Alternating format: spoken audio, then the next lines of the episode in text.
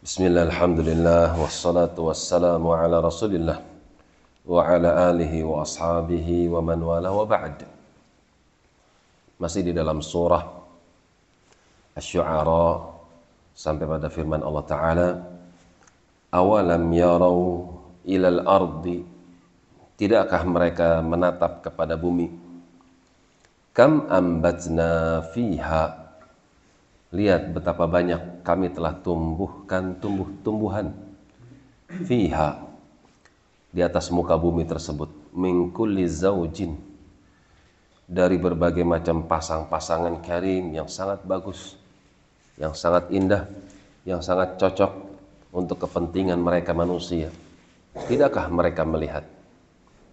Inna fi dzalika yang demikian merupakan tanda-tanda kebesaran Allah. Mata orang yang beriman harus bisa mengambil pelajaran. Keumuman manusia ketika mereka melihat sesuatu, maka mereka akan mengirimkan ke dalam hatinya. Dan Allah mengajak mereka untuk berpikir dengan apa yang telah mereka lihat. Karena mata termasuk pintunya ilmu. Fal yang duril insanu ila ta'ami afala yanzuruna ila al-ibili kaifa khuliqat afalam yanzuru fi malakutis samawati wal ardi dan seterusnya. Tidakkah mereka menggunakan mata-mata mereka untuk melihat akan kebesaran ciptaan yang telah aku ciptakan? Wa makana aktsaruhum mu'minin.